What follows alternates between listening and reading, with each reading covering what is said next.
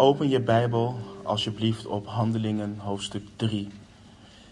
Uh, zondags gaan we vers voor vers uh, door het boek Handelingen en vanochtend beginnen we aan hoofdstuk 3. En mocht je geen Bijbel bij je hebben um, en je toch wilt meelezen um, en zien of um, toetsen dat wat ik zeg ook daadwerkelijk de waarheid is, steek je hand op en we voorzien je uh, van een Bijbel. we behandelen vanochtend versen 1 tot en met 10. laten we de tekst lezen bidden en ontdekken wat onze Heer uh, tot onze hart wil spreken vanochtend. Dus Handelingen hoofdstuk 3 vanaf vers 1, waar we lezen...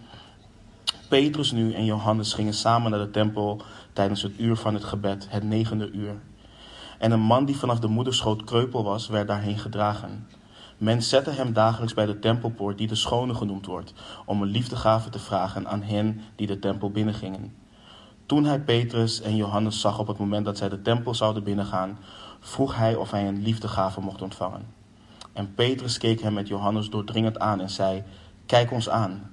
En hij hield de ogen op hen gericht, omdat hij verwachtte, iets van hen te ontvangen.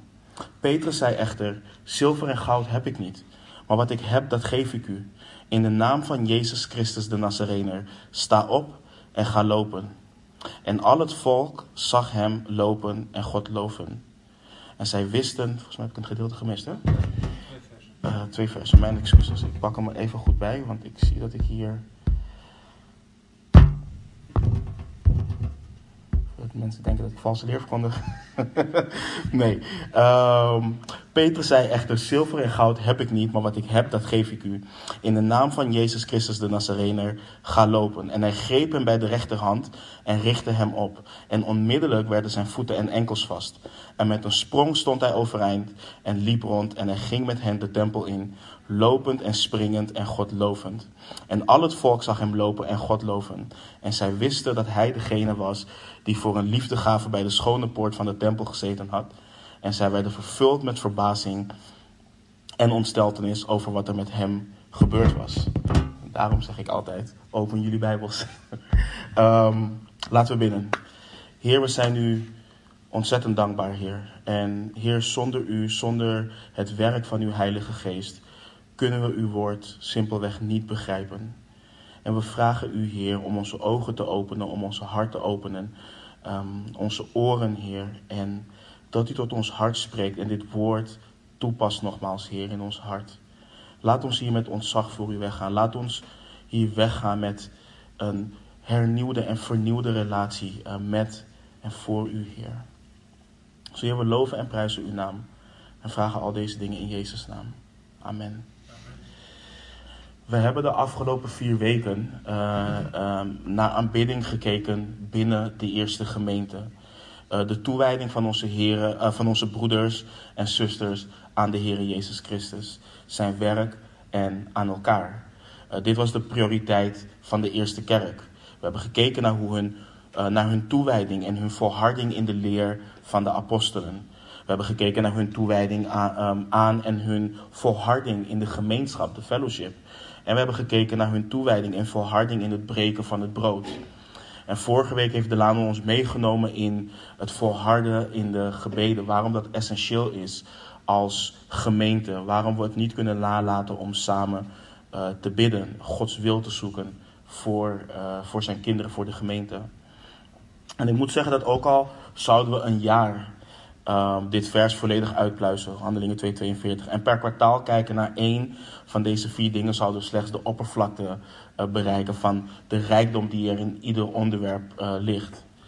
En omdat we de afgelopen vier weken hebben gekeken naar, naar dit vers, wil ik ons geheugen opfrissen om de situatie te schetsen die we uh, vandaag voor ons hebben. Dus de discipelen die, zijn, die, waren eensgezind bij elkaar uh, met het Pinksterfeest. En plotseling kwam er uit de hemel een geluid als van een geweldige windvlaag. Uh, we hadden gelezen, tongen als van vuur werden aan hen gezien. En het zat op een ieder van hen. Uh, de discipelen werden vervuld met de Heilige Geest. En de Heilige Geest gaf hun talen uit te spreken die ze nooit eerder hebben geleerd. het is werkelijk een gave van de Heilige Geest. En allerlei Joodse mannen van over de hele wereld kwamen bijeen om uit te zoeken wat daar op dat moment aan de hand was. Uh, want hoe kan het dat ongeschoolde en simpele Galileërs al die talen uh, spreken? En je zag daardoor twee kampen ontstaan. Eén groep was vol verbazing en vroeg zich af wat dit allemaal te betekenen had. En ze hadden door dat dit iets bovennatuurlijks was. En, en, dat het natuurlijk wel iets moest betekenen. Omdat ze de discipelen in hun eigen taal hoorden spreken. En er was een andere groep uh, die, die simpelweg spotten. Ze zeiden dat de discipelen dronken waren, vol met zoete wijn. En wat daarop volgt is dat de apostel Petrus zijn stem verhief. En begon uit te leggen wat het fenomeen is wat zij aanschouwden. Ze waren helemaal niet dronken. Het was nog te vroeg om dronken te zijn. En Petrus maakte duidelijk dat het woord wat de Heer had gesproken door de profeet Joël in vervulling ging. Uh, de laatste dagen waren aangebroken. En we lezen in Joël 2:28 tot 32, want dat is ook wat Petrus citeert. Um, en waarmee hij uitlegt wat er aan de hand is. En dan lezen we: Daarna zal, ik, uh, zal het geschieden dat ik mijn geest zal uitstorten op alle vlees. Uw zonen en uw dochters zullen profiteren. Uw ouderen zullen dromen dromen. Uw jonge mannen zullen visioenen zien. Ja, zelfs op de dienaren en op de dienaressen zal ik in die dagen mijn geest uitstorten. Ik zal wondertekenen geven aan de hemel en op de aarde, bloed en vuur en rookzuilen. De zon zal veranderd worden in duisternis en de maan in bloed. Voor die dag van de Here komt, die grote en ontzagwekkende dag. En we kijken allemaal uit naar die dag. Het zal geschieden dat ieder die, op de, uh, die de naam van de Here zal aanroepen, behouden zal worden. Want op de berg Sion en in Jeruzalem zal ontkoming zijn. Zoals de Heere gezegd heeft, namelijk bij hen die ontkomen zijn, die de Heere roepen zal. En het is de eerste preek uh, die Petrus geeft. En het duurt niet lang in zijn preek voordat hij tot de kern van zijn boodschap komt. En, en de kern is de Heere Jezus Christus. Hij maakt duidelijk dat zij, dat zij, dus de Joden, hem gevangen genomen hadden en hem hebben overgeleverd aan de Romeinen. En aan het kruis is gespijkerd en dat zij hem hebben gedood. Hij maakt duidelijk dat zij verantwoordelijk zijn voor de dood van de Messias. En daarin maakte hij wel duidelijk dat het in overeenstemming was met het vastgestelde raadsbesluit en de voorkennis van God.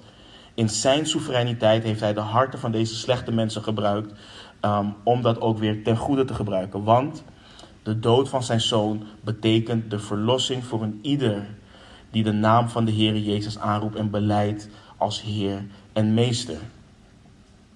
En het resultaat van de preek is dat de Heilige Geest de woorden heeft genomen om deze religieuze mannen diep in het hart te raken. Dus de realisatie dat zij de Messias niet alleen hebben gekruisigd, maar dat hij een dag terugkomt om te oordelen over alle goddelozen, heeft hen diep in het hart geraakt. En dan volgt er een natuurlijke vraag. Wat moeten wij doen, mannenbroeders? En Petrus riep hen op tot bekering en riep hen op om zich te laten dopen.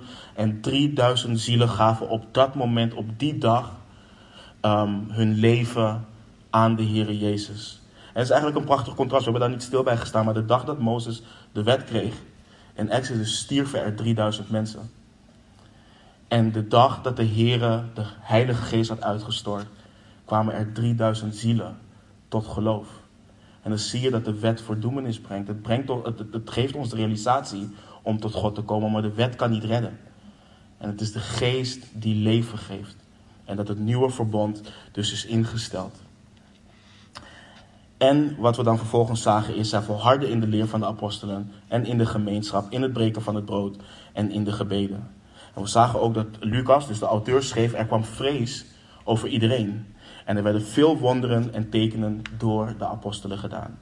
En de tekst waar we vanochtend bij, uh, bij stilstaan, um, is een van de wonderen en tekenen waar Lucas de diepte in op gaat. Um, en, en wat bijzonder is, is dat er in Handelingen 2 ook staat dat er genade werd gevonden bij heel het volk. Maar dit wonder zal resulteren, dat gaan we zien in hoofdstuk 4, of vanaf hoofdstuk 4, tot vervolging van de kerk. Maar waar we nu zijn, leert de tekst ons vanaf vers 1 dus, van hoofdstuk 3, Petrus nu en Johannes gingen samen naar de tempel tijdens het uur van, gebed, um, van het gebed, het negende uur. Uh, de apostel Petrus en Johannes gingen dus samen naar, um, naar de tempel tijdens het uur van gebed. Wat, wat de geschiedenis ons leert is ijverige Joden die baden uh, drie keer per dag. Um, het is niet iets wat bepaald was door God, Maar zij geloven dat Abraham het ochtendgebed had ingesteld. Eh, dat Isaac het eh, middaggebed had ingesteld. En dat Jacob het avondgebed had ingesteld. En je kunt dit ook terugvinden in de Talmud, dus eh, de schriften van de Joden. En men haalt dit ook een beetje uit het feit dat David in de psalmen schrift, in psalm 55, vers 18. S'avonds en s'morgens en s'middags zal ik klagen en kermen en hij zal mijn stem horen. Ik kan nergens terugvinden dat dit een daadwerkelijk gebed en een opdracht is van de Heer aan de Joden, maar de geschiedenis leert dat de rabbijnen, dat de rabbies dit uiteindelijk hebben geformaliseerd. En kijk, op zich is er niks mis mee ehm, met het formaliseren van een samenkomst of het instellen van een vaste tijd voor gebed. Het belangrijkste is, en dat hebben we ook vaker gezegd, dat we ons hart blijven toetsen in de dingen die we doen. Waarom doen we de dingen die we doen? Doen we ze ter eer en glorie van de Heer Jezus? Het kan heel gevaarlijk worden wanneer we onze geestelijkheid gaan toetsen aan de dingen die we wel of niet doen. Aan de dingen die we zelf bepalen om niet te doen. Of de dingen die anderen wel of niet doen. Maar aan de andere kant heb je ook weer dat sommige mensen er moeite mee kunnen hebben wanneer dingen geformaliseerd worden. En mensen willen vaak dat dingen gewoon natuurlijk en organisch gaan. Maar ook daar zit weer een gevaar in. En zeker wanneer men organisch meer gaat zien als leiding van de Heilige Geest. Alsof dat geestelijker is. En wat we ook doen, hoe we het ook doen, we moeten altijd acht slaan op de woorden van de apostel Paulus in Colossense 3, vers 17, waarin hij schrijft: En alles wat u doet met woorden of met daden, doe dat alles in de naam van de Heere Jezus, terwijl u God en de Vader dankt door hem. Dus er is niks mis met het formaliseren, maar we moeten, het moet geen dogma worden. En er is ook niks mis met, uh, met, met organisch, maar we moeten de organisch niet gaan bestempelen als dat is leiding van de Heilige Geest. Maar we zien, het is het negende uur, wat voor ons betekent um, drie uur in de middag. En Petrus en Johannes gingen dus samen naar de tempel om te bidden. En we hebben het in het vorige hoofdstuk al kort over gehad, dus we hoeven daar niet um, lang op in te gaan. Maar Petrus en Johannes zien geen conflict in het gaan naar de Joodse tempel, ook al zijn ze tot wedergeboorte gekomen. Uh, zij waren tot geloof gekomen uh, in de Joodse Messias, die voorzegd was in de Joodse schriften om God te aanbidden. Het is pas later, wanneer de vervolging komt, dat er een enorme scheiding komt tussen christenen en Joden. Kijk, nu zijn we zo'n 2000 jaar verwijderd van al die dingen en is er een duidelijke scheiding daarvan. Maar Johannes en Petrus die gingen simpelweg naar de Joodse tempel om uh, de Joodse Messias te aanbidden. Um, we kunnen deze tekst dus nooit gebruiken om te rechtvaardigen dat we ons ook aan de wet moeten houden. Want dat doen sommige mensen wel. Um, de Bijbel leert ons heel duidelijk dat werken ons niet kunnen redden. Uh, dat we uit genade zalig zijn geworden door het geloof. En dat het niet door ons is, niet door de wet, maar dat het de gave van God is. En Petrus, en wat ik prachtig vind, Petrus en Johannes dachten dat het een doodgewone dag zou zijn, waar ze even naar de tempel zouden gaan om te bidden. Maar de Heer heeft een goddelijke ontmoeting gepland voor zijn eer en voor zijn glorie. En dan lezen we vanaf vers 2. En een man die vanaf de moederschoot kreupel uh, was, werd daarheen gedragen. En men zette hem dagelijks bij de tempelpoort, die de schone genoemd wordt, om een liefdegave te vragen aan hen die de tempel binnengingen. Dus we maken nu kennis met een man die vanaf zijn geboorte kreupel was. Hij, was verlamd. Die man kon niet lopen. Hij heeft nooit kunnen lopen. Um, in het volgende hoofdstuk lezen we dat deze man al boven de 40 was. En je voorstellen, deze man heeft nooit achter een bal kunnen aanrennen. De, de dingen die wij gewoon van, als, van natuurlijk zien, het springen, het lopen, alle dingen die wij doen, die man heeft dat nooit kunnen doen. Hij heeft zichzelf nooit van A naar B kunnen brengen. En, we, en, en, en waar we hierover lezen is geen tijd waarin we rolstoelen hadden zoals we dat vandaag de dag hadden. Ook geen zorghuizen. Deze, de enige manier waarop deze man kon overleven en om het daglicht op zijn gezicht te zien schijnen, was als één of meerdere van zijn vrienden genadig waren om hem te dragen naar de tempelpoort. Dat was het enige wat deze man had. En vergeet niet hoe men in deze tijd, vooral religieuze mensen, naar gehandicapten keken. Uh, jullie kennen het verslag vast nog van de blindgeboren man uit Johannes 9. De discipelen vroegen aan de Heer Jezus in vers 2 van Johannes 9: Rabbi, wie heeft er gezondigd? Hij of zijn ouders, dat hij blind geboren zou worden. Dus er heerste een gedachte dat als men gehandicapt werd geboren of wat dan ook, dat het of aan die man lag dat hij in de moederschoot al had gezondigd, of dat zijn ouders zondaars waren. Dus ze keken echt neer op deze mensen. Dus in de ogen van deze religieuze mensen was hij of zij of zijn moeder of zijn vader een zondaar en was dit dus zijn verdiende straf. En uh, ze werden dus aan hun eigen lot overgelaten. En als ze een liefdegave mochten ontvangen, was het niet uit compassie, maar om hun eigen eer. De mensen gaven vaak voor hun eigen eer. De Heer Jezus sprak hier ook over in Matthäus 6, versen 1 en 2. Uh, ik heb hem op het scherm, ja. Um, hij um, zegt tegen de discipelen: Wees op uw hoede dat u uw liefdegave niet geeft in tegenwoordigheid van de mensen om door hen gezien te worden. Anders hebt u geen loon bij uw Vader die in de hemelen is. Wanneer u dan uw liefdegave geeft, wanneer u dan een liefdegave geeft, laat het niet voor u uitbazuinen, zoals de huigelaars in de synagogen en op de straten doen, opdat zij door de mensen geëerd zouden worden. Voorwaar, ik zeg u, zij hebben hun loon al. Dus niet, niet uit compassie, maar vaak gewoon uit, een, uit, uit eigen eer. En ik weet niet of deze verlamde man zich bewust liet plaatsen bij de tempelpoort, maar als hij dat bewust deed, was hij een, een slimme man. Want mensen die um, een religieus systeem volgen wat gebaseerd is op hun eigen werken, doen, er alles voor, doen alles voor hun eigen eer en voor hun eigen glorie. Ze doen alles voor hun eigen geweten. Ze geven zodat ze gezien worden en zodat ze geëerd worden. Dus deze man lag daar iedere dag weer en uit. Uh, iedere dag weer, dag in dag uit. En ik wil even stilstaan bij het volgende. En daar, daarbij even de volgende disclaimer geven. Kijk, we, we leven, um, en ik heb dat vaker gezegd, we leven in een tijd waarin waarheid um, relatief is. Um, waarin je ontelbaar veel denominaties hebt, waarin iedereen vindt dat ze kunnen vinden wat ze willen vinden over Gods woord. En ik heb ook vaker gezegd dat Gods woord niet op deze manier gegeven is. God kan heel goed communiceren. Uh, als je het hele universum in zijn bestaan kunt spreken, dan kun je heel eenvoudig communiceren met mensen. Dus um, wat we wel voor ons zien is dat we een probleem hebben. Um, want als God heel duidelijk kan communiceren, waarom is het lichaam van Christus dan zo verdeeld en zo versnipperd? Uh, ik geloof niet dat dit te maken heeft met interpretatie, maar met een rebellerend uh, en een egoïstisch hart. En, en, en waarom, waarom ik deze disclaimer geef, is om de volgende reden. Kijk, in het onderwijzen van de Bijbel, uh, en vooral als hier de vers voor vers doorheen gaan, moeten we vaak verkeerde leerstellingen weerleggen. Wij leven nou in een tijd waarin je 2000 jaar aan valse leer hebt ontwikkeld.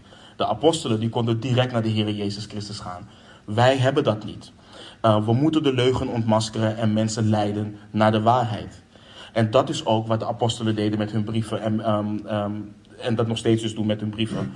En waarom ik dit zeg, is omdat ik niet wil dat we hier denken dat wanneer we hier onderwijzen, dat we met een bedweterige vinger lopen te wijzen naar andere mensen of naar andere denominaties. Um, ik doe dit, wij doen dit, omdat wij willen dat we allemaal groeien in de kennis van Gods woord. En dat we daardoor ook verdieping krijgen in onze persoonlijke relatie met God. Um, en ik doe dit, of wij doen dit ook omdat we weten dat er ook mensen zijn die online meeluisteren, terugkijken, die vanuit verschillende denominaties meeluisteren en meekijken, opdat ze de waarheid mogen horen. En ik, we doen dit omdat we dus een oprecht hart hebben voor mensen. Um, en dat God niet alleen ons hier, die, die hier staan, gebruiken, maar dat het onderwijs wat jullie krijgen ook de wereld ingaan wanneer jullie persoonlijk met mensen spreken. Um, en we bereiken mensen dus met, met de waarheid. Dat gezegd uh, te hebben, vers 2 leert ons iets heel belangrijks. De stad Jeruzalem had in de tijd van de Heer Jezus twee soorten poorten. Je had stadspoorten en je had tempelpoorten. En de tempelpoorten lagen veel hoger dan de stadspoorten, want de tempel lag op een hoge heuvel. En je had een poort die de Gouden Poort genoemd werd. Um, en de Gouden Poort met de dichtgemetselde uh, poorten bevindt zich in de oostelijke muur. En in de tijd van de Heer Jezus was hier ook een poort die naar de stad, uh, uh, die naar de stad uh, ging, uh, die de Heer Jezus ongetwijfeld vaak zal zijn doorlopen als hij naar de Olijfberg ging of juist van de Olijfberg kwam. En achter die stadspoort bracht een, een steile trap je naar de schone poort van de tempel waar deze man dus lag. En waarom ik dit zeg is, deze man is ouder dan 40 jaar.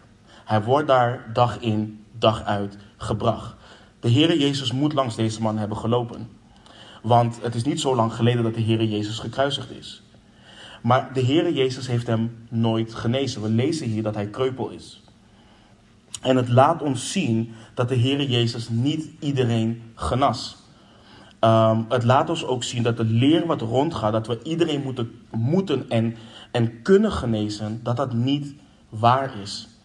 Ehm, deze man was daar niet de enige bedelaar. De tempelpoort zat vol met bedelaars. En niet allemaal werden genezen. En wanneer het om genezing gaat, moeten we altijd onthouden dat het een bovennatuurlijke bovennatuurlijk werk is van een soevereine God. Een God die geneest hoe en wanneer Hij wilt. En soms doet Hij dat niet. En we moeten onszelf dan ook eerlijk afvragen of we ons daarbij kunnen neerleggen. Um, en we moeten ons ook afvragen of we nog steeds eerlijk kunnen zeggen, wanneer Hij dat niet doet, dat God nog steeds goed is. Um, dus, um, en zeker als hij, of, hij nou doet, of hij nou doet wat wij willen of niet, moeten we ons kunnen afvragen, kunnen wij ons neerleggen bij het feit dat God soeverein is. En dat genezing een gave is die Hij geeft wanneer Hij dat wilt.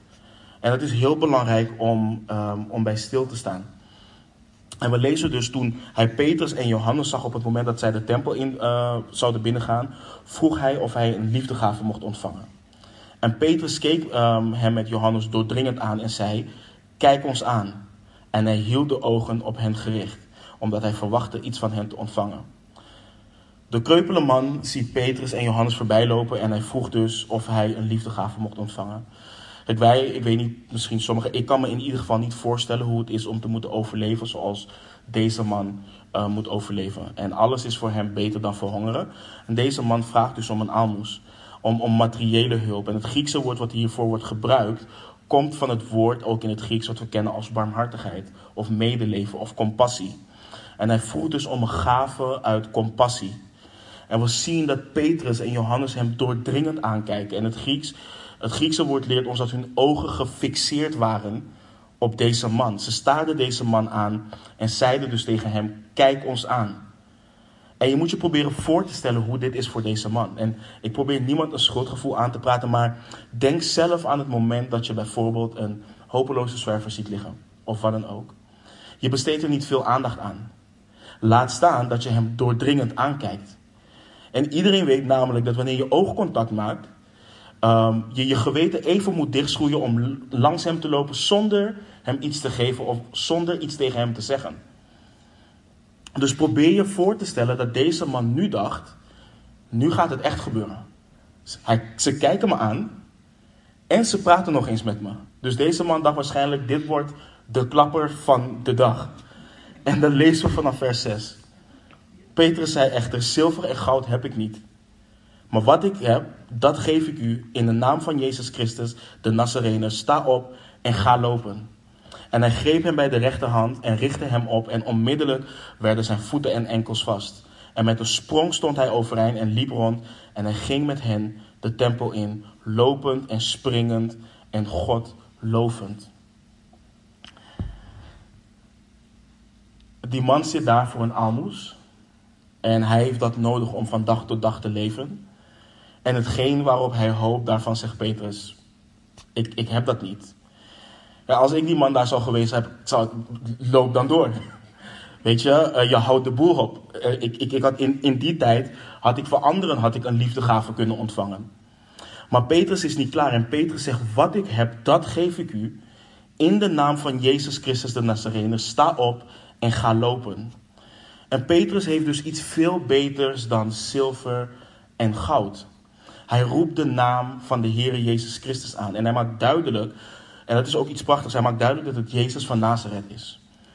En, en Jezus Christus de Nazarene. En dan ga je denken aan de woorden van apostel Paulus, want hij maakt dit heel duidelijk. Um, we hebben vaker gezien hoe veracht deze mensen waren, Nazarene, uh, de mensen uit uh, Nazareth. Nathanael had al duidelijk gemaakt, kan, kan uit Nazareth iets goed komen. En dan denk ik aan, aan, aan, wat Paulus zegt in 1 Korinthe 1, vers 27 tot 29. Maar het dwaze van de wereld heeft God uitverkoren om de wijze te beschamen. En het zwakke van de wereld heeft God uitverkoren om het sterke te beschamen. En het onaanzienlijke van de wereld ehm, en het verachte heeft God uitverkoren. En wat niets is, om wat iets is te niet te doen. Opdat geen vlees voor hem zou roemen. En het is één ding om tegen deze man te zeggen: sta op en ga lopen. Het is een heel ander ding om deze man vast te grijpen en hem op te richten. Dit vereist geloof. Uh, want je moet je voorstellen, je, je richt die man op en hij valt opeens gewoon neer.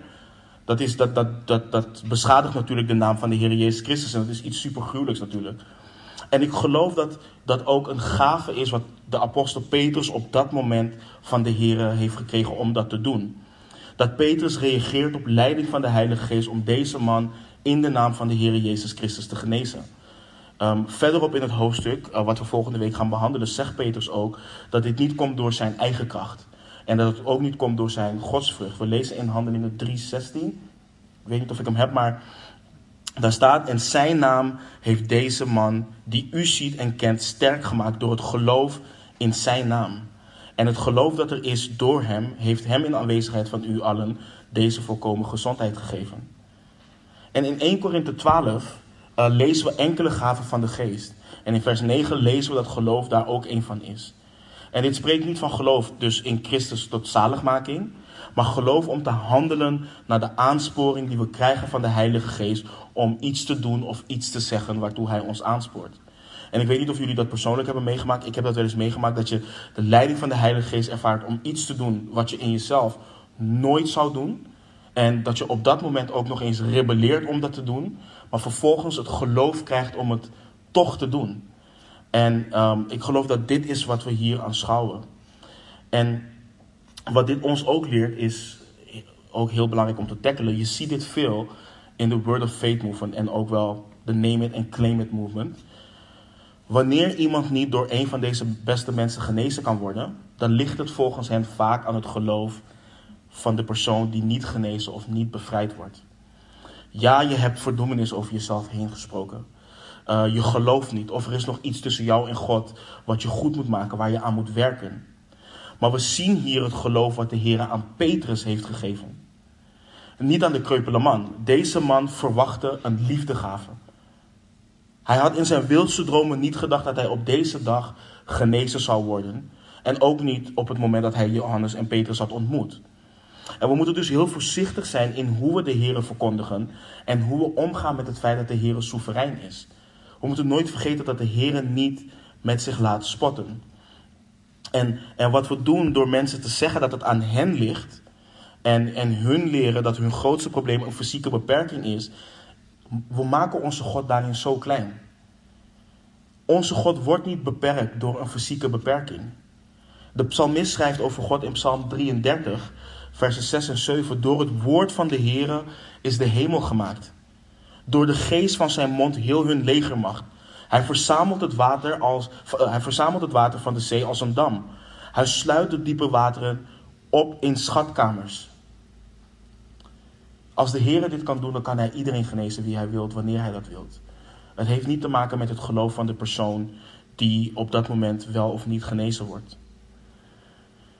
Dus deze genezing had niets, eh, had niets met het geloof van de kreupele man te maken. Het had in zekere zin ook niets te maken met, het, met Petrus. Want het geloof wat Petrus had, heeft hij ontvangen van de Heer.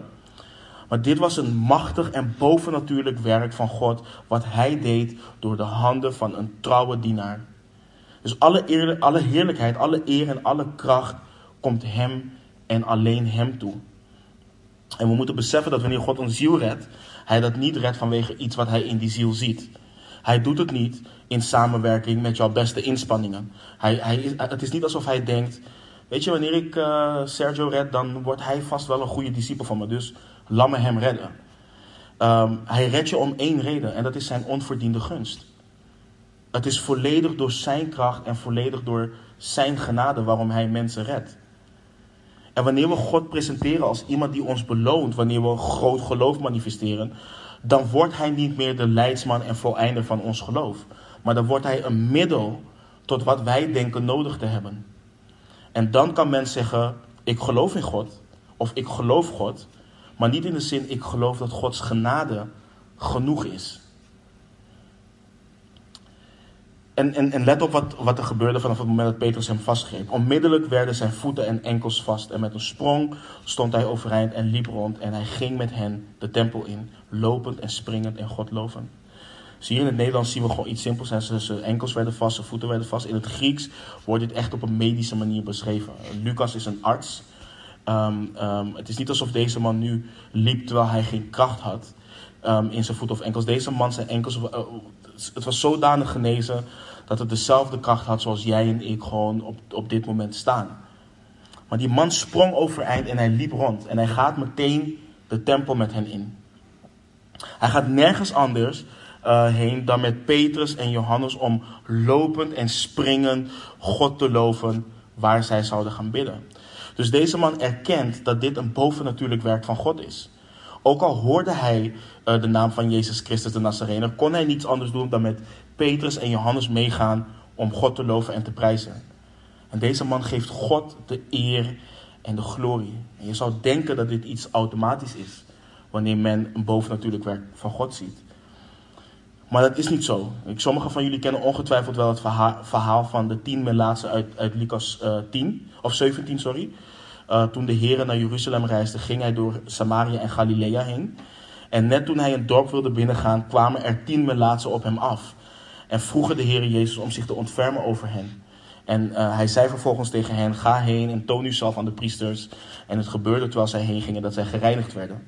En dan lezen we vanaf vers 15. En toen een van hen zag dat hij genezen was, keerde hij terug, terwijl hij met luide stem God verheerlijkte. En hij wierp zich met het gezicht ter aarde voor zijn voeten en dankte hem. En dit was een Samaritaan. En toen antwoordde Jezus en zei: Zijn niet de tien gereinigd? Waar zijn dan de negen anderen? Zijn er dan geen anderen gevonden die terugkeren om God de eer te geven dan deze vreemdeling? Dus het is niet vanzelfsprekend dat men God de eer en glorie geeft voor machtig werk. En dat herinnert ons aan dat wij dat wel altijd moeten doen. We kunnen ons niets toe-eigenen wat de Heer doet of heeft gedaan. Maar in onze tekst van vanmorgen zien we dus dat deze man met Petrus en Johannes de tempel ingaat. En je ziet de reactie van de mensen daarop vanaf vers 9.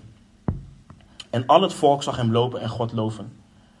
En zij wisten dat hij degene was die, die voor een liefdegave bij de schone poort van de tempel gezeten had. En zij werden vervuld met verbazing en ontsteltenis over wat er met hem gebeurd was. Alle mensen die daar aanwezig waren, zagen deze man God loven en prijzen.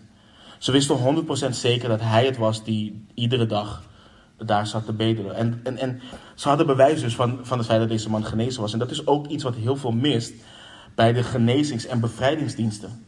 Um, als je het bewijs wil dat iemand genezen is, um, dan krijg je vaak te horen dat je geen geloof hebt. Of dat je een teken wilt zien zoals de Joden ook een teken uh, willen zien. Maar dit is comple compleet uit context geciteerd. Kijk, onze God is een transparante God. En hij wil niet dat er misverstand ontstaat over wat hij doet of wat hij gedaan heeft. Hij heeft een man gebruikt die meer dan 40 jaar verlamd was. Een man waarvan iedereen wist dat hij elke dag bij de tempelpoort lag om te bedelen. Een man die daarheen gedragen werd. Die man gebruikte de Heer om zijn kracht te laten zien. Om de kracht van zijn zoons naam te laten zien in het werk wat hij gedaan heeft. En het resultaat was verbazing en ontsteltenis. En dat is iets waar we volgende week verder op ingaan. Maar een waar wonder dus. En een prachtig historische gebeurtenis. Maar los dat het een historische gebeurtenis is. En dat, dat het daadwerkelijk betrekking heeft op de uh, fysieke staat van deze man.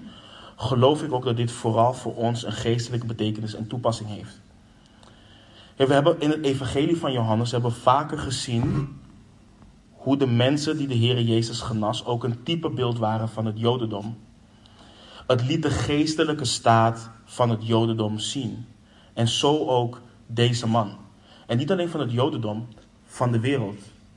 Deze man laat ons zien dat wij allemaal geestelijk verlamd worden geboren. Geestelijk kreupel, dat we dood worden geboren. De mens wordt geboren in een staat waarin het niet kan naderen tot God. Waarin het afgesneden is van God. De mens kan niets doen in deze staat om tot God te naderen, net zoals deze, mens, deze man niet kon opstaan en de tempel in kon lopen. Maar het laat ons aan de andere kant ook zien dat een religieus systeem wat geregeerd wordt door mensen ook niet kan genezen. En dat de mensen die in dit systeem leven en dit systeem navolgen, geestelijk net zo blind en net zo kreupel zijn als deze man. En je ziet dat de mens elkaar probeert te helpen. De mens probeert elkaar, elkaar te dragen. En met allerlei religieuze systemen denken ze elkaar te kunnen helpen. En dat ze elkaar kunnen helpen naderen tot God. En we zien hier dat niemand een ander in de aanwezigheid van God kan brengen. Weet je, de mens probeert elkaar te helpen. Maar hetgeen wat nog erger is, is dat de mens het niet inziet en niet wilt inzien.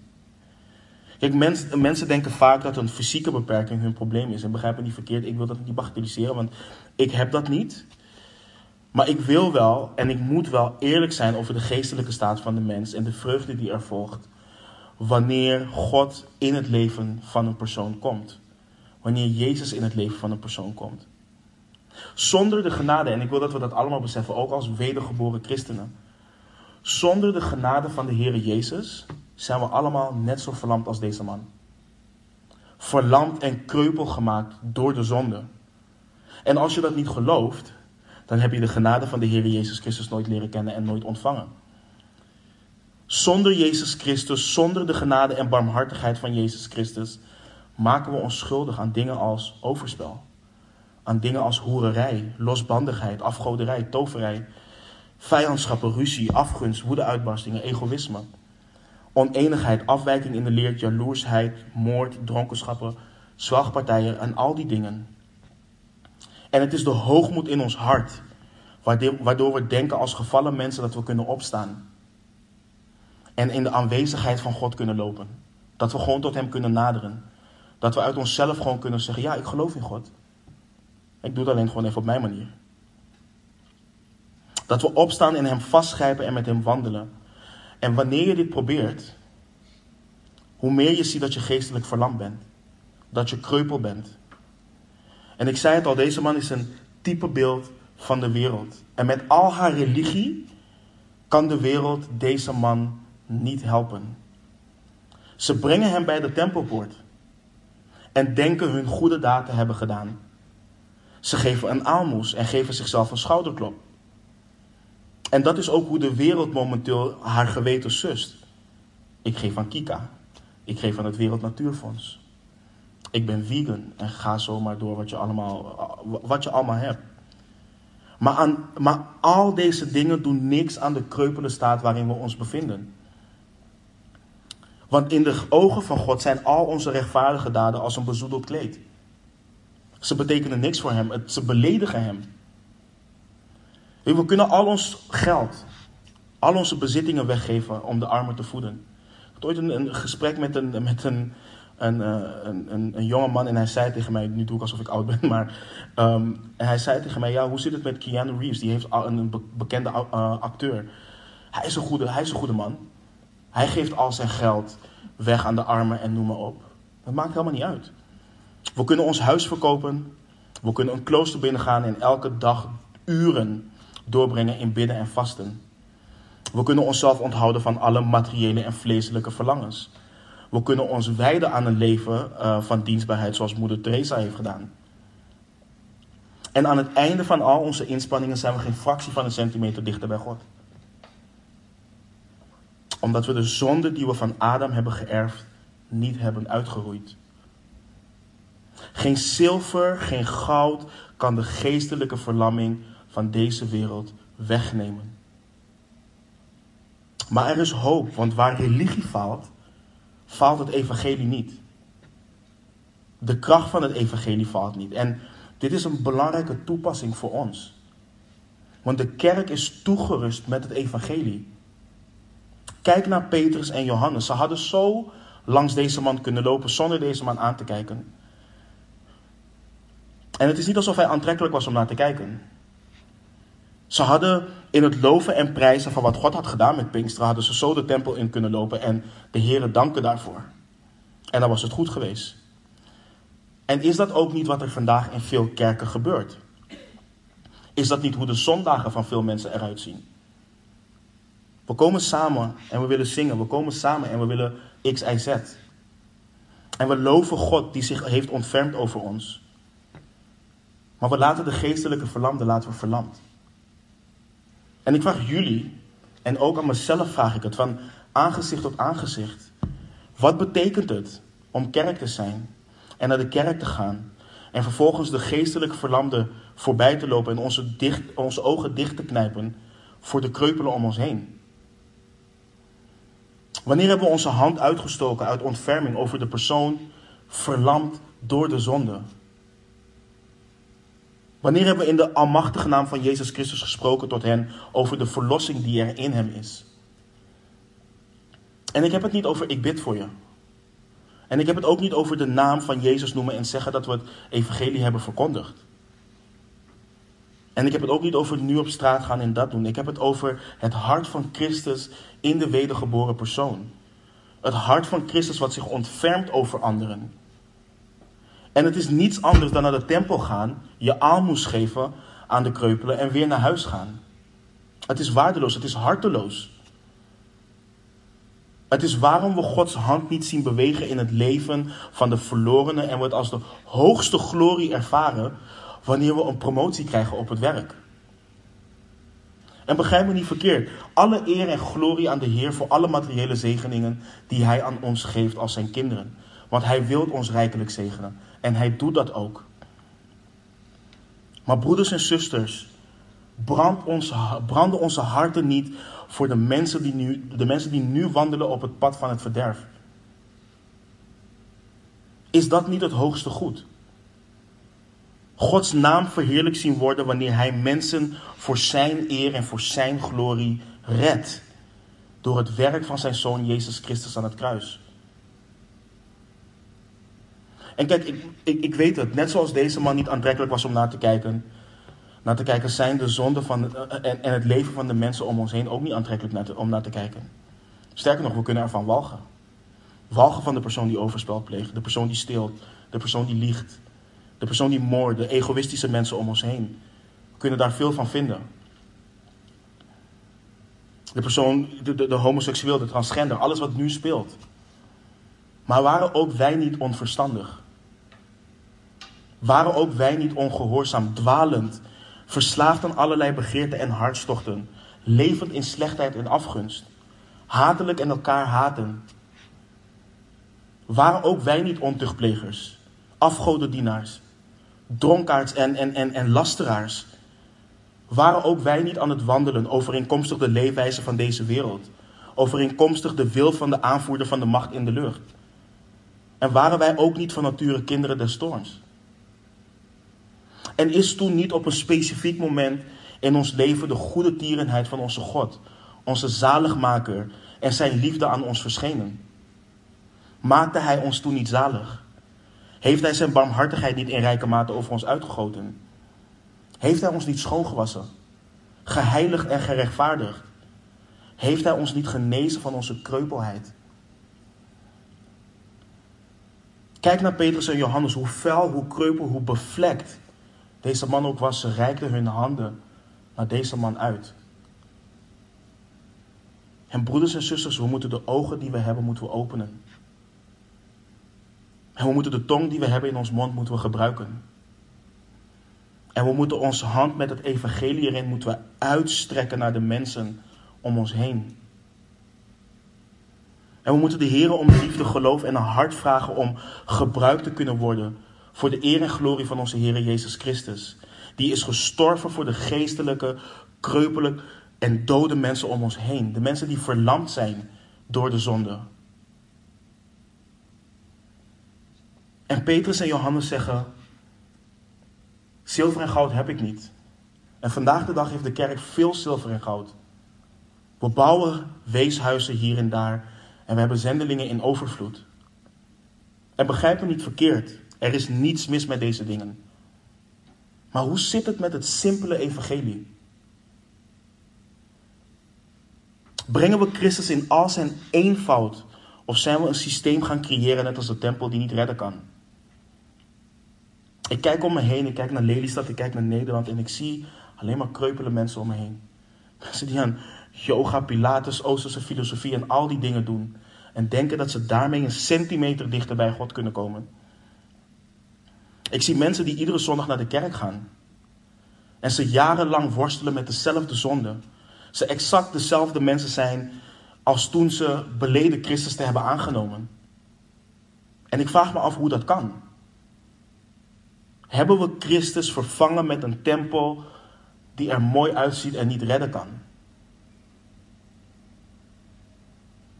Ik zie moslims om me heen die ieder jaar vasten, aan de armen geven, vijf keer per dag bidden en als het ze lukt een bedelvaart maken.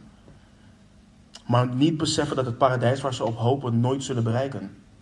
En dat ze een eeuwigheid in de verdoemenis zullen doorbrengen. En ik zou willen dat God al onze rijkdom afneemt en teruggaat naar de ware rijkdom die we hebben in Christus. Er is een overvloed aan programma's, een overvloed aan stichtingen met een christelijk tintje. Er is een overvloed aan prachtige gebouwen waar indrukwekkende diensten worden gehouden. Een podium met een tienkoppig muziekteam.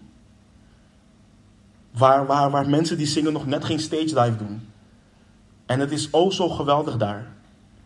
En een hele gemeenschap die een tiende geeft. Genoeg zilver en genoeg goud. En met zilver en goud kun je veel doen.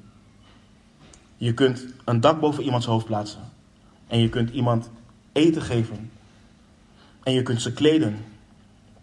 Maar er komt een einde aan de kracht van zilver en goud. Met zilver en goud kun je de ziel van een persoon niet redden. En in onze handen en in ons hart en in ons verstand hebben wij het evangelie van Jezus Christus.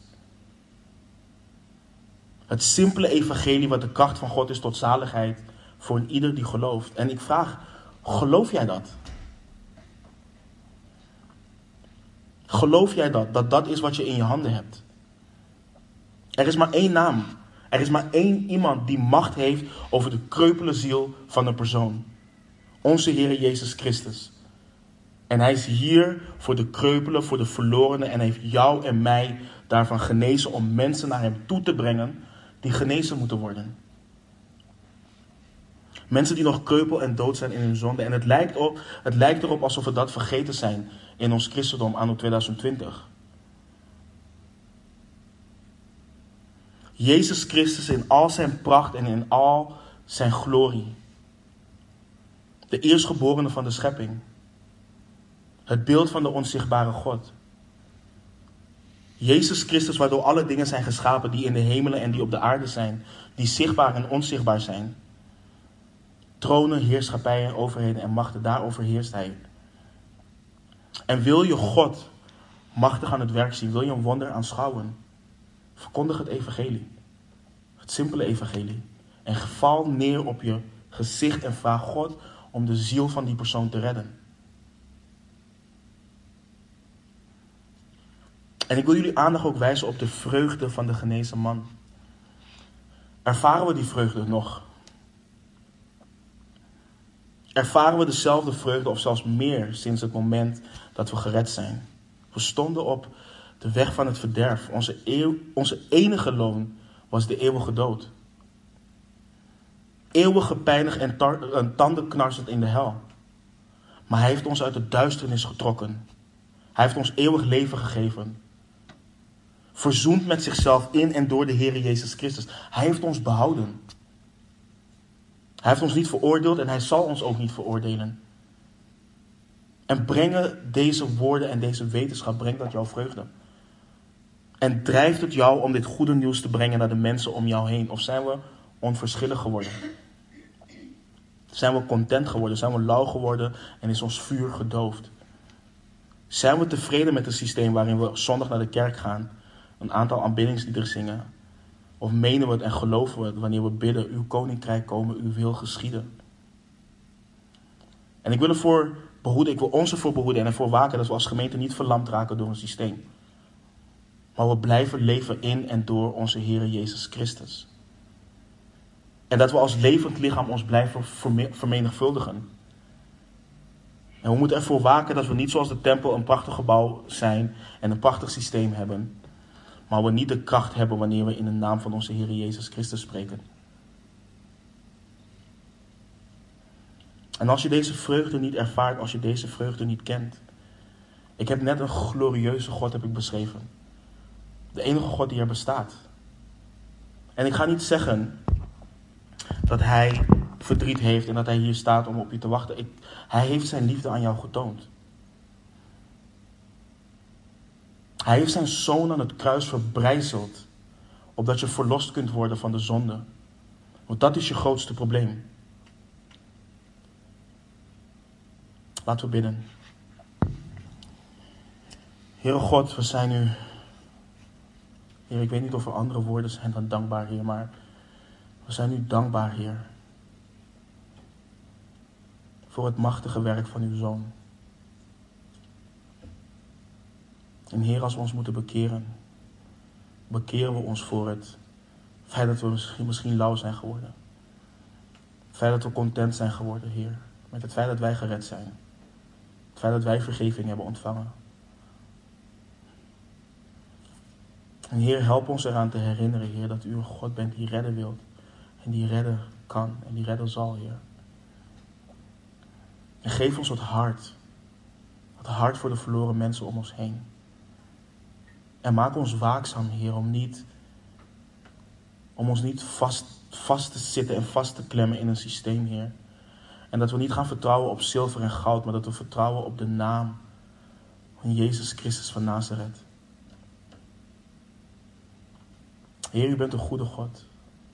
U bent een vergevingsgezinde God.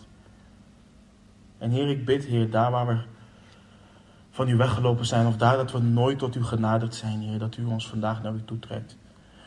Uw zoon zei zelf, niemand kan tot hem naderen, tenzij u hem trekt, Vader, of haar trekt. En ik bid voor een machtig werk dat u in ieder van ons naar u toetrekt, Heer. Heer, dat u rebellie in ons hart wegneemt. Dat u dat hart van steen stuk slaat en wegneemt en ons een hart van vlees geeft, Heer. En dat u het maakt dat wij in uw verordeningen wandelen en uw geboden in acht nemen.